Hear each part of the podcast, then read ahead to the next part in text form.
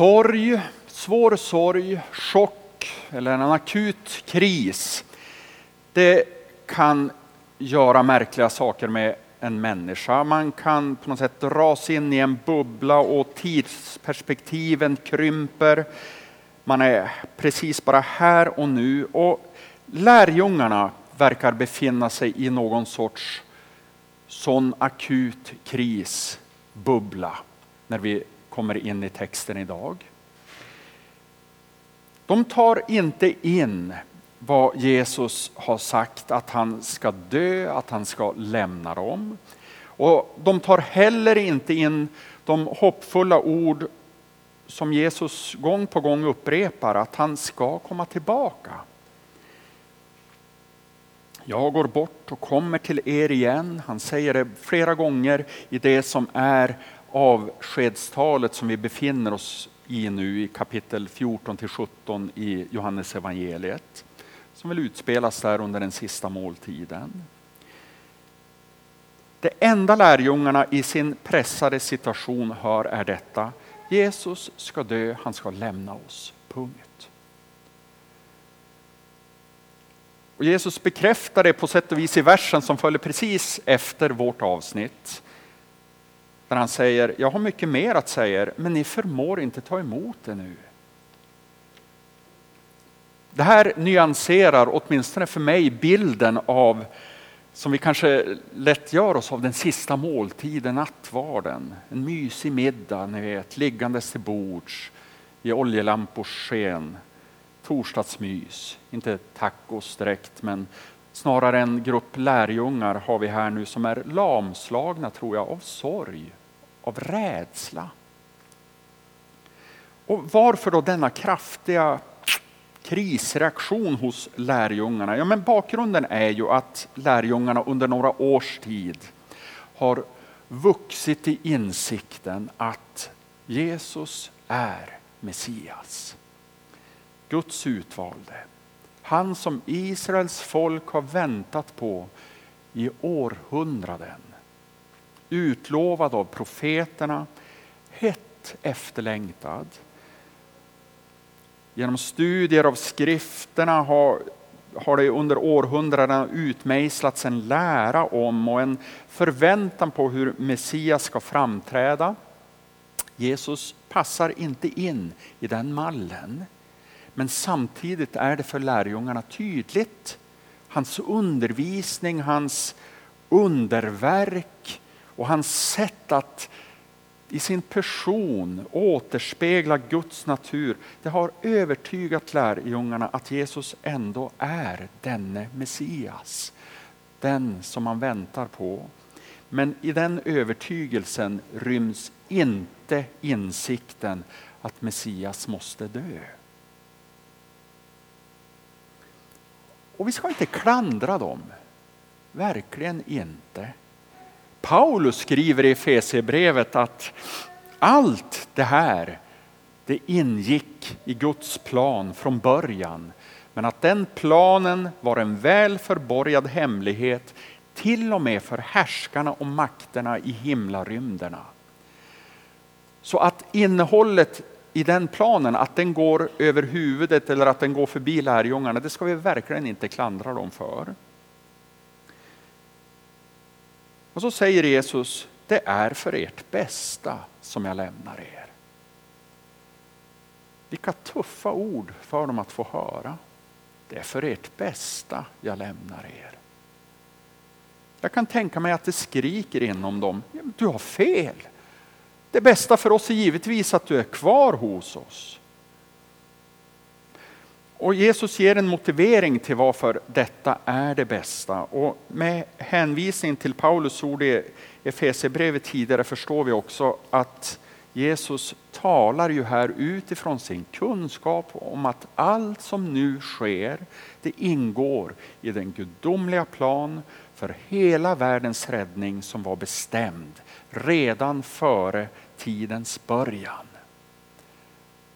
Petrus skriver att Kristus som den som skulle bära syndoffret var utsedd redan före världens skapelse. alltså redan innan syndafallet, redan innan skapelsen, ser Gud vad som ska ske i sin skapelse som han är på väg att utföra. Meditera en stund över detta. Inte just nu, nu fortsätter vi här. Men den motivering som Jesus ger lärjungarna är att annars kan inte hjälparen komma till dem, den helige ande. Och Guds fysiska närvaro i skapelsen genom Jesus Kristus, Gud själv inkarnerad i skapelsen, det var en bärande del av den här planen. Men den var bunden till en geografisk plats vid en given tidpunkt. Och nästa bärande del av planen det gick ut på att Guds närvaro genom hjälparen, den helige Ande, skulle kunna nå alla människor i alla tider och över hela skapelsen. Luther skriver i Stora katekesen, allt i evangeliet har redan inträffat och fullbordats. Kristus har vunnit skatten åt oss genom sitt lidande, sin död och sin uppståndelse. Den helige Ande är ständigt, verksam, är ständigt i verksamhet. Skapelsen är genomförd och frälsningen är fullbordad. Men den helige Ande fortsätter oupphörligt att verka ända till den yttersta dagen. Därför har Anden inrättat en ny församling på jorden genom vilken han talar och utför sitt verk. Alla hans kristna är ännu inte församlade och han har inte förlåtit färdigt ännu. Han kallar oss till sig varje dag genom ordet. Han ger oss tro, tron, stärker den genom ordet och förlåter våra synder.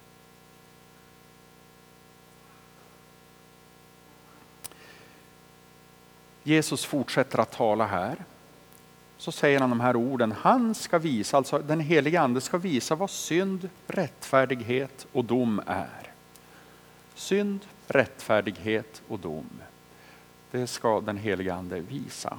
Synd, säger han. De tror inte på mig. När vi talar om synd så kan vi åtminstone tala om två olika aspekter av synd. Dels synd att bryta mot Guds vilja, bryta Guds bud, handla orättfärdigt, tala, tänka orättfärdigt mot Guds vilja. Men en annan aspekt av synd är att det är på något sätt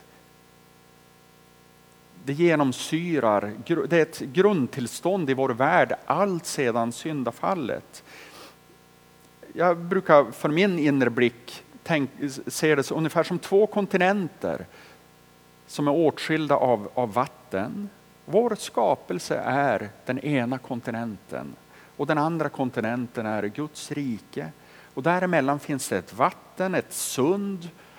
Och ordet sund är detsamma som ordet synd som skiljer kontinenterna åt och vi kan inte ta oss över detta sund. Det som skiljer oss från Guds rike, det är inte om vi syndar. Om vi tänker oss det omöjliga, att vi lever vårt liv på den här kontinenten, ett liv utan att synda, så är vi fortfarande kvar på den kontinenten. Vår eventuella syndfrihet för oss inte över sundet till den andra kontinenten, till Guds rike. Endast Gud kan överbrygga det här sundet. Men redan här och nu kan vi av nåd ta emot ett medborgarskap i Guds rike. Den andra kontinenten. Och det sker, lär vi oss i Bibeln, genom tron på Jesus Kristus.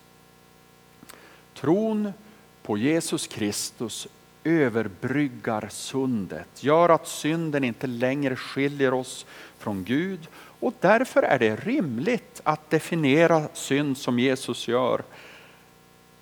ja, jag hör ju själv hur patetiskt låter. Jag står här och bedömer om det Jesus säger är rimligt. Men det är en rimlig definition av synd. Synd, de tror inte på mig. Kyrkofadern Augustinus skriver, det är stor skillnad mellan att tro att Jesus är Kristus och att tro på Kristus. Också demonerna trodde att han var Kristus, men de trodde inte på Kristus. Den tror på Kristus som hoppas på Kristus och älskar Kristus. Om man har tro men saknar hopp och kärlek, då tror man att Kristus finns, men man tror inte på Kristus. Det var synd.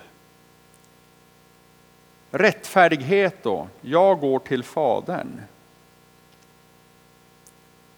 Förra söndagens evangelietext kom från avsnittet efter dagens evangelietext eh, från, från Johannes 16.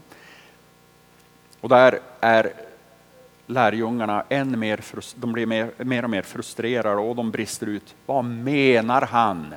Vi förstår inte vad han säger. Ungefär så på västerbottniska uttryckte de sig. Och kanske samma frustration över de här orden. Rättfärdighet. Jag går till Fadern. Vad menar han?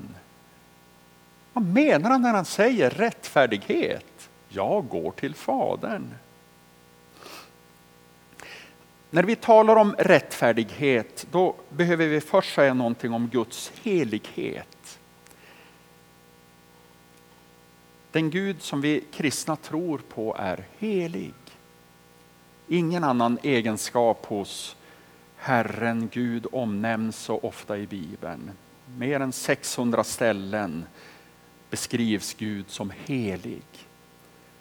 Och grundläggande betydelsen av helig, det handlar om att vara avskild. Gud är skild från allt i den här världen som är bristfälligt eller syndigt. Beskrivningen av Gud som helig kan därmed sägas handla om hans radikala annorlundahet, om det finns ett sådant ord. Han är den ende i hela universum som inte själv är skapad.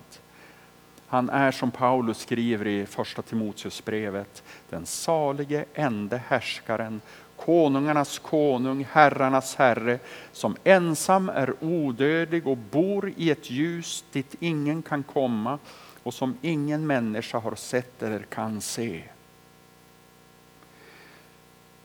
I Saltaren 24 frågas, ställs frågan, vem får gå upp till Herrens berg? Vem får gå in i hans tempel? Alltså, vem får gå in i Guds närhet? Och svaret följer den som har skuldlösa händer och rent hjärta. Men Bibeln lär oss att ingen har skuldlösa händer och ett rent hjärta. Det finns ingen som är rättfärdig, ingen enda, skriver Paulus. Och därför är det viktigt detta nu. Jesus går till Fadern. Han är rättfärdig. Bara han, ingen annan. Rättfärdighet, jag går till Fadern. Vad händer då när Jesus går till Fadern? Ja, vi förflyttar oss en och en halv vecka framåt i tiden och kommer till Kristi himmelfärdsdag när Jesus går till Fadern. Det sista Jesus säger innan han går till Fadern är detta. Han säger det till lärjungarna. Jag är med er alla dagar till tidens slut. Jesus säger det till dig. Jag är med er alla dagar till tidens slut. Den helige ande hjälparen syftar det på, delvis. Men om vi vänder på satsen så blir den inte fel, men vi upptäcker kanske en annan sanning. Vi är med Jesus alla dagar till tidens slut. Vi är med honom också när han går till Fadern. För det här är faktiskt innebörden av dopet, av ditt dop. Du har döpts in i Kristi kropp.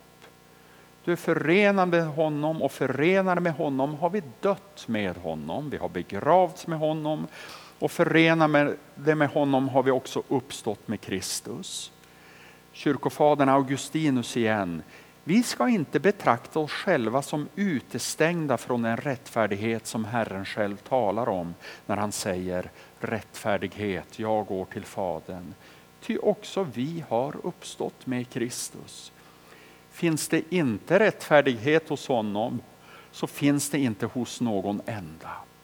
Men om det finns i honom går han till Fadern med oss. Han som huvud och vi som lemmar till Fadern. Jesus har sagt tidigare i samma tal som han håller nu i, vi kan läsa i kapitel 14, han säger ingen kommer till Fadern utom genom mig. Utom i mig.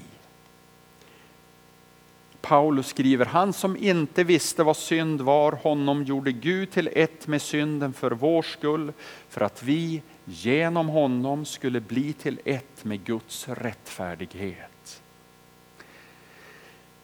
Det sista Jesus säger i vår text här, men det är inte det sista i avskedstalet. Dom, denna världens härskare är dömd. Det fälls så oerhört många domar.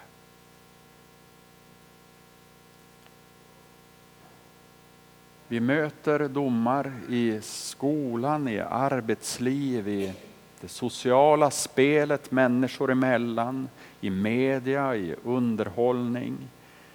Och kanske den värsta dom du möter är den du fäller själv om dig.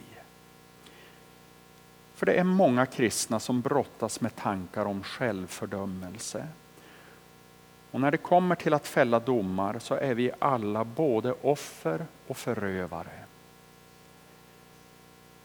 Men det vi just talat om är en så viktig grund för insikten och för läran, för tron. Den enda dom som kan fällas och som kan skilja dig från gemenskap med Gud, den fäller Jesus Kristus och lyssna till vad han säger. Den som hör mitt ord och tror på honom som har sänt mig, han har evigt liv. Han faller inte under domen utan har övergått från döden till livet. Amen.